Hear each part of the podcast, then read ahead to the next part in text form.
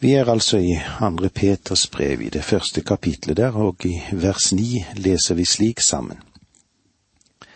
Men enhver som mangler dette, han er nærsynt, ja, blind. Han har glemt at han er blitt renset for sine tidligere synder. Nå rører Peter ved noe som er meget viktig for oss nemlig det sterile liv som åpenbart ikke har vært ukjent for dem som Peter vandret blant. Og hvordan er det i dag? Er det ukjent hos oss også? Mangelen på engasjement og livsnærhet fikk dem til å tvile på om de virkelig var frelst. Paulus han gir oss denne appellen, slik som vi finner det i første Korinterbrev 16. Vær våkne, stå fast i troen, vær tapre og sterke. La alt dere gjør skje i kjærlighet. Da han så avsluttet det andre brevet til korinterne, så skrev han det slik. Ransak dere selv om dere er i troen, prøv dere selv, eller merker dere ikke at Jesus Kristus er i dere? Det måtte da være at dere ikke består prøven. Dette er noen sterke ord. Ja, et sterkt ord er det. Du skal ransake deg selv for å være sikker på at du er i troen. Om du er av den oppfatning at du kan leve et likegyldig liv og fremdeles være en kristen og vite om det, så tar du feil. Det er umulig. Kanskje du er en kristen, men du vil ikke vite av det. Peter har formulert det på denne måten. Men enhver som mangler dette, han er nærsynt, ja blind. Han har glemt at han er blitt renset for sine tidligere synder. Han har glemt at han er blitt frelst. Nærsynt? Nærsynt er bare den som kan se et lite stykke foran seg. Han kan ikke se det som ligger lengre fremme, og kanskje de viktigere ting. Det er jo det som kanskje kommer så nær. Han har eh, ikke lagt merke til perspektivet og det store oversyn, nærsynthet. Å være nærsynt i åndelig mening er å være opptatt av det som er her på jorden. Ikke ha det evighetsperspektivet som han burde ha over livet sitt ikke søke Guds rike først. Ja, på den måten blir han kort sagt blind. Det er slik det greske uttrykket oversettes. Den åndelige synsevnen blir innskrenket og innsnevret, og åndens verden lukkes for ham. Og den som er blind, vandrer i mørket og vet ikke hvor han går. Han kan òg bli en glemsom hører. Han har glemt det grunnleggende. Han har glemt det viktigste. Han har glemt at han har blitt renset fra sine tidligere synder. De som ble godt, begått før han ble renset i Jesu dyrebare blod. Syndenes forlatelse, dette kostelige frelsesgode, har ingen interesse for han lenger. Det har ingen verdi. Han lever ikke lenger i sentrum. Ordet om synd og nåde, hvordan er det? Blir man opptatt med andre ting? Enten så blir det en falsk kunnskap, eller så er det blitt slik at kjærligheten til verden har blitt sterkere. Han har blitt opptatt med de jordiske ting. Han har glemt den syndens elendighet han ble frelst fra fryden over Guds tilgivende barmhjertighet. Han har forlatt sin første kjærlighet.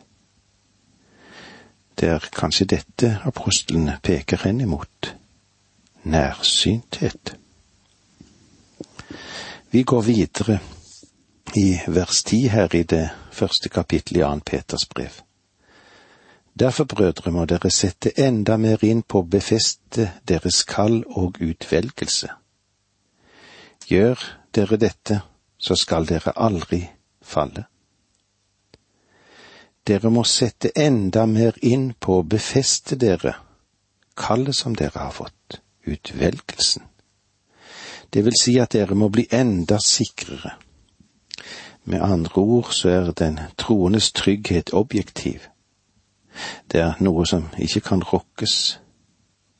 Men din visshet, den kan jo forstyrres ved det liv som du lever. Om ditt liv ikke leves i redelighet og i sannhet, da drives du til å ligge våken om nettene og undre deg over er jeg virkelig blitt født på ny. Mens det på den ene siden er sant at Kristus har gjort alt som er nødvendig for å frelse deg, bevare deg frelst, så må du på den annen side arbeide med ditt kristentliv for at det skal bli meningsfullt.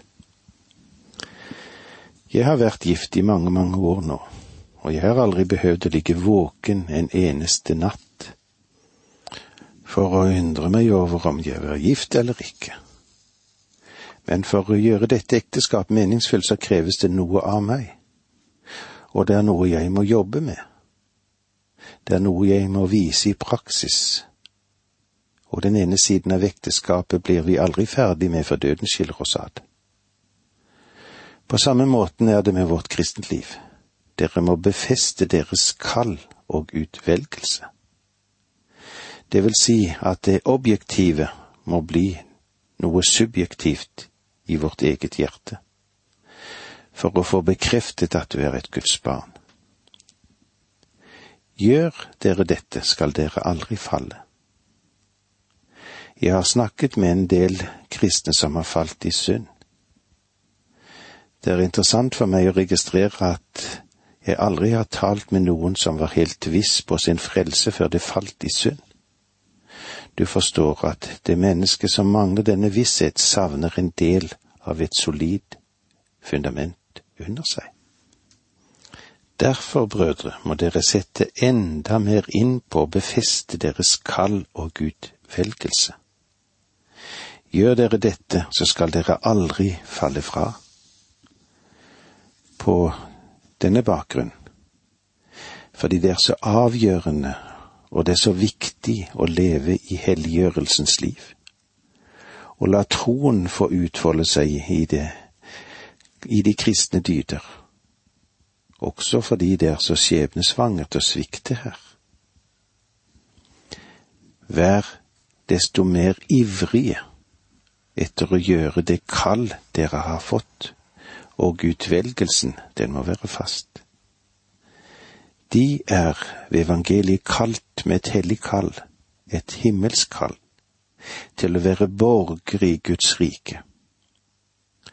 Og da de eller vi tok imot kallets innbydelse, utvalgte Gud oss ved å ta oss ut av den syndige sammenheng som vi sto i, og gjøre oss til sine barn. I det vi leste her, så sto det at utvelgelsen, den kommer etter kallet.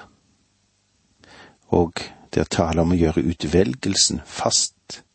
Kan det her, i likhet med det som vi òg ser i det andre verset i første Peter sitt brev, det ikke være tenkt om den evige utvelgelse, men om den frelsende handling av nåden i Guds rike, i nådens tid. Det sto altså derfor, brødre, vi formanes, eller desto mer, enda mer, enda ivrigere enn før, å befeste, gjøre fast, forsterke dette evangeliets kall og den utvelgelse til frelse ved å styrke sin kristenstand, ved å styrke kristenlivet sitt. I stedet for ved sløvhet og verslighet og veikne og visne og falle fra og falle ut av den sammenheng.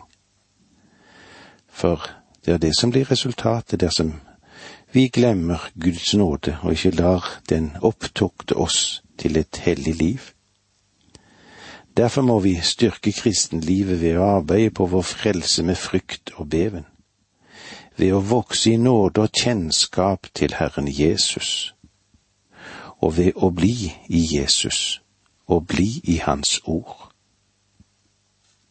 Skal vi bruke et bilde for å illustrere hva det vil si å gjøre sitt kall og sin utvelgelse fast, så må vi tenke på et tre som står i solskinn og regn, i storm og uvær fra år til år. Treet det vokser og bærer frukt og får stadig større og kraftigere rotsystem. En kristen som bruker nådemiddelen, er virksom hos ham i troen og i kjærligheten. Vokser i Guds vekst, bærer åndens frukt og står imot de fristende og forførende røster. Får en nåde til å leve slik, så blir den kristne karakter styrket, og en blir mer og mer rotfestet i troen og kjærligheten, og faller ikke ut av sin kristenstand. Og med disse ordene må vi si takk for nå, må Gud være med deg. Dette undervisningsprogrammet består av to deler. Åge Nevland fortsetter nå med andre del av dagens undervisning. Vi er i andre Peters brev i det første kapitlet, og her skal vi lære oss hvordan den troendes liv skal fungere i samfunnslivet. Ofte er det vanskelig å få det til, men det er godt at vi har en som taler vår sak i himmelen, og som kan hjelpe oss. I det ellevte verset i kapittel én i andre Peters brev leser vi slik. Da skal det gis dere en full og fri adgang til vår Herre og Frelser Jesu Kristi evige rike. Legg nå merke til at Peter understreker ikke bortrykkelsen, men Kristi komme for å opprette sitt rike på jorden. Hvorfor? Det leser vi i vers 14. Jeg vet jo at det snart skal legges bort. Det har vår Herre Jesu Kristus latt meg vite. Du forstår at Peter ikke er en apostel som så frem til bortrykkelsen.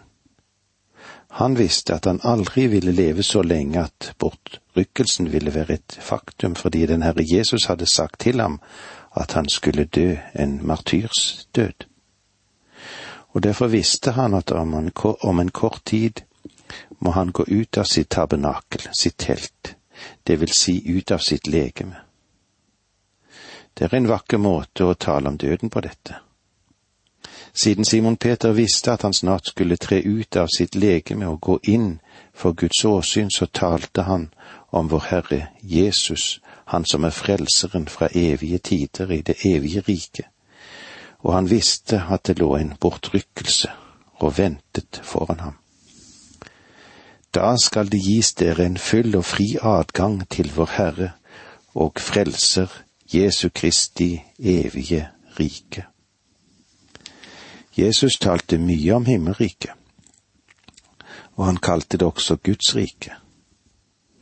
Men dette riket, slik som vi òg leste det her, vår Herre og Frelser Jesu Kristi rike, Allerede profeten Daniel kom med dette og fortalte at en lignet en menneskesønn, fikk et evig herredømme, et rike som ikke forgår. Når riket også er hans, er det fordi at han er Herre og Gud. Og så til sist så kommer da enden, når han overgir riket til Gud, Faderen og for at Gud skal være alt i alle. Da er det ikke lenger behov for noe spesielt Messias-rike.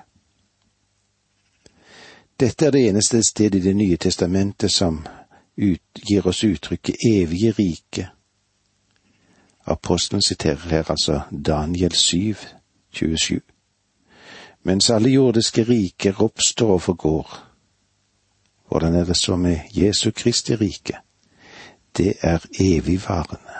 Det er uforgjengelig. For å forsterke evighetens begreper er det i Daniels bok brukt et uttrykk et evig herredømme, som ikke forgår. Men det består til evig tid, ja, i evigheters evighet. Det er tre ting det er sagt om dette riket. Det første, det hører fremtiden til, den kommende tidsalder. Det andre er, det tilhører vår Herre Jesus og Hans frelsesgjerning, det tilhører Jesus. Han har som Herre og Gud grunnlagt det, og er konge i riket til evig tid. Og som Frelseren har han vunnet oss. Ja, tenk på det. Han har vunnet oss en borgerrett og en arverett til dette riket. Og ved troen er han blitt vår personlige frelser. Det blir ikke fortalt oss hvordan dette riket er, men det som er fortalt oss, er at det tilhører ham, menneskesønn, han som er forløser. Og det forteller at dette riket har en guddommelig herlighet og en fullkommen kjærlighet. Og så har vi da det tredje, et uforgjengelig rike. Et uforgjengelig rike som hører evigheten til, ja, evigheters evighet. Vi går videre inn i det tolvte verset i kapittel én. Derfor vil jeg stadig på ny minne dere om disse ting, enda dere kjenner til dem, og er grunnfestet i den sannhet som er kommet til dere. Da han visste at han ikke ville være sammen med dem stort lenger, så følte han behovet for å oppmuntre disse hellige til å vokse i nåde, slik at de ikke skulle bli åndelige senile. Dessverre er det vel slik at eh, det går an å bli åndelig senil. Mennesker som tutler omkring og ikke ser ut til å følge helt med i åndens verden og i åndens rike. Derfor vil jeg stadig på ny minne dere om disse ting, enda dere kjenner til dem, og er grunnfestet i den sannhet som er kommet til dere. Derfor vil jeg stadig komme til dere, eller alltid. Det minner om det paulinske ord jeg holder ikke opp med. Peter hadde av mesteren fått i oppdrag å være hyrde for overhyrdens sauer. Dette kallet lå tungt på hjertet hans. Hva er de får lov til å legge merke til her? Jo, her er et sjelesørgerhjerte som ligger bak ordene. Minner stadig om. Derfor vil han så ofte han får anledning til det, også i den fremtid som måtte komme, la oss minne hverandre om dette, om alt det Peter har lagt inn over hjertene våre. Det kan være vanskelig mange ganger, men vi vet at vi må være grunnfestet i sannheten som Jesus har gitt oss gjennom sitt eget ord og gjennom sine apostler. Vers 13 Jeg mener det er riktig å holde dere våkne ved å minne dere om dette så lenge jeg er i legemets telt jeg mener det er riktig. Det vil si, ja, hva vil det si? Jo, det vil si at det er en prioritert sak. Så lenge jeg er i legemets telt. Legg igjen merke til at han enda en gang taler om sitt legeme som et telt, som et tabernakel. Så lenge han hadde livet, ville han minne, minne oss om disse tingene. Jeg mener det er riktig å holde dere våkne ved å minne dere om dette så lenge jeg er i legemets telt. En kristen trenger å vekkes, en kristen trenger å advares, og en kristen trenger å anspores. Dette vil han gjøre så lenge han har anledning til det, så lenge han er i dette teltet, i legemet der ånden bor, der hans ånd bor Vårt jordiske hus, hvordan er det med det, med vårt telt? Det blir rivet ned. Også om Jesus blir det sagt at han hadde et telt.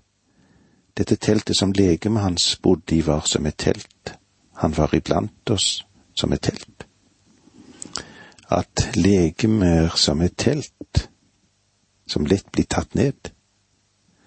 Vi må være klar over det, det er ikke en fast borg eller en festning som ikke går an å angripe dette. Nei, dette som vi leser om her, minner oss om at vi er pilegrimer, Vi er fremmede, vi er utlendinger på jorden. Vi skal ikke leve som fastboende. Vi skal være her som vandringsmenn. Og når vi kommer til grensen av vårt rette hjemland, da blir teltet tatt ned for godt. Da er den store flyttedagen kommet.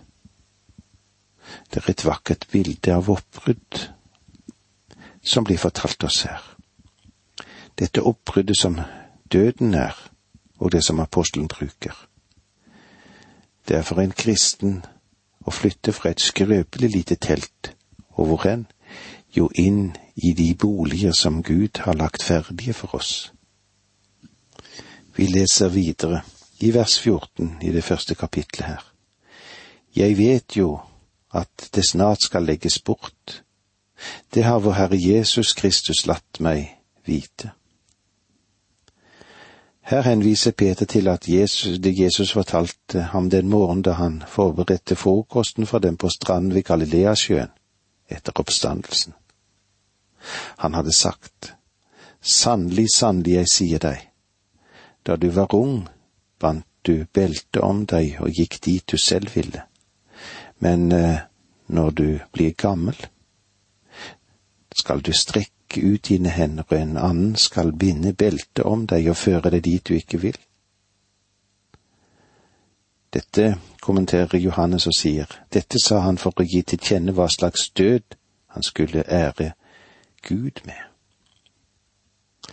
Dette har vært en av de viktigste deler i hele Guds ord. Jeg har forsøkt å være litt nøye her, så du kan vite og forstå hva Peter sier. Nå forstår du hvorfor jeg har kalt denne pistelen til Peter hans svanesang. Du kan si det er det han formidler på sitt dødsleie. Vi er alltid interessert i det en av våre kjære sier i sin siste synd. Selv om et menneske har vært en løgner hele sitt liv, så er sjansene store for at de vil fortelle sannheten på dødsleiet. Jeg vet jo at det snart skal legges bort. Det har vår Herre Jesus Kristus latt meg få vite. Plutselig kan oppbruddet komme, så han må fare herfra. Et kort varsel. Og med disse ordene må vi si takk for nå. Må Gud være med deg.